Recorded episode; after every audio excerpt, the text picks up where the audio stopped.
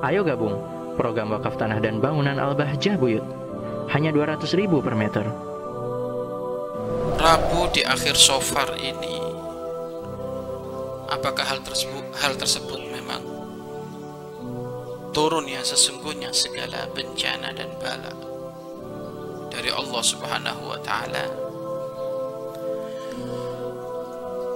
yang jelas ini menjadi pembahasan para ulama perbincangan di kalangan para ulama bahwasannya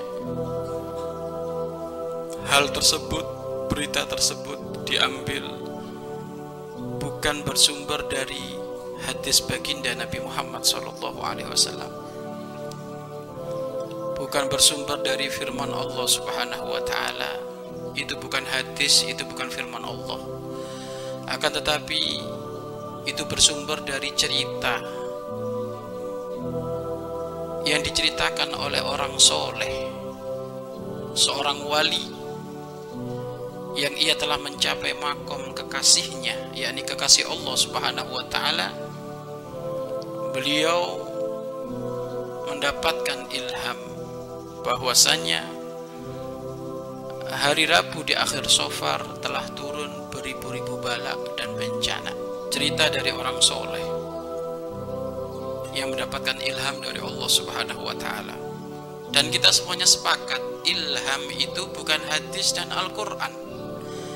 Akan tetapi ilham ilham itu adalah pemberian dari Allah Subhanahu wa taala yang memang keberadaan ilham itu ada. Fa'alhamaha fujuraha wa taqwaha Allah memberikan ilham kepada orang-orang yang dipilih oleh Allah. Allah memberi ilham kepada para kekasihnya. Allah memberi ilham kepada orang-orang soleh. Lalu jika ini adalah cerita dari orang soleh yang mendapatkan ilham dari Allah, bagaimana kita? Apakah harus percaya ataukah tidak? Ilham boleh kita percayai dengan dua syarat. Satu, tidak meyakini hal tersebut adalah hadis baginda Nabi Muhammad Shallallahu Alaihi Wasallam. Tidak meyakini ilham sebagai hadis. Yang kedua, ilham tersebut tidak bertentangan dengan syariat baginda Nabi Muhammad Shallallahu Alaihi Wasallam maka jika dua syarat ini terpenuhi, maka boleh seseorang itu mau percaya ataukah tidak dengan ilham tersebut. Yang percaya, maka tentu dia boleh mengambil satu aktivitas lebih di dalam amalnya agar supaya dirinya terhindar dari urusan bah, balak bencana. Karena dia percaya. Taubahnya mungkin abah tiba-tiba mimpi. Mimpi mimpi. Lu mimpinya apa itu? Ente mau percaya ataukah tidak? Dengan catatan mimpi ya mim, mimpi. Tapi kalau mimpi orang soleh kan bukan asal-asal mimpi. Kalau ente mimpi asal-asal mimpi, mimpi dikejar, dikejar ular, mimpi dikejar apa? Semut ada orang cerita Masya Allah mimpi saya aneh Pak Ustadz. Apa? Saya dikejar semut itu. Dikejar semut? Ya tapi semutnya kuat dia ya kalau mimpi kayak gitu kan kenapa harus dipercayai? Ini adalah mimpi dari orang so orang soleh. Tiba-tiba Abah bercerita saya tidak saya, saya tadi malam mimpi. Bahwasanya tengah pondok ini ada satu cahaya yang sangat berkilau. Ya kan? Dan cahaya tersebut menerangi para santri. Sob. Dan insya Allah itu adalah tanda karena cahaya tersebut menerangi para santri seakan-akan hatinya santri diisi oleh cahaya tersebut alias bersih. John, coba di saat saya ngomong kayak gini bagaimana? Ya terserah ente. Ente mau percaya atau enggak?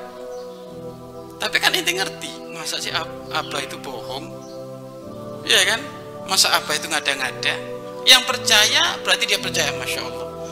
Amin. Mudah-mudahan hati saya bersih. Kan gitu. Yang nggak percaya, apa-apa ini, ngigo ini, iya kan? Ya kalau cahaya, ya cahaya benar, itu matahari itu, itu cahaya itu nongol. Ya kan gitu. Artinya selama itu tidak bertentangan dengan syariat, maka tentu inti boleh percaya sama enggak. Tapi kalau bertentangan dengan syariat, nggak boleh. Contoh, saya tadi malam mimpi. Mimpi, jika engkau ingin nyampe kepada Allah, maka nggak usah sholat isya dan subuh.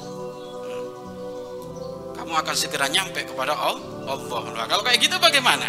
Ya nggak usah, nggak usah dipercaya. Kenapa? Bertentangan dengan syariat.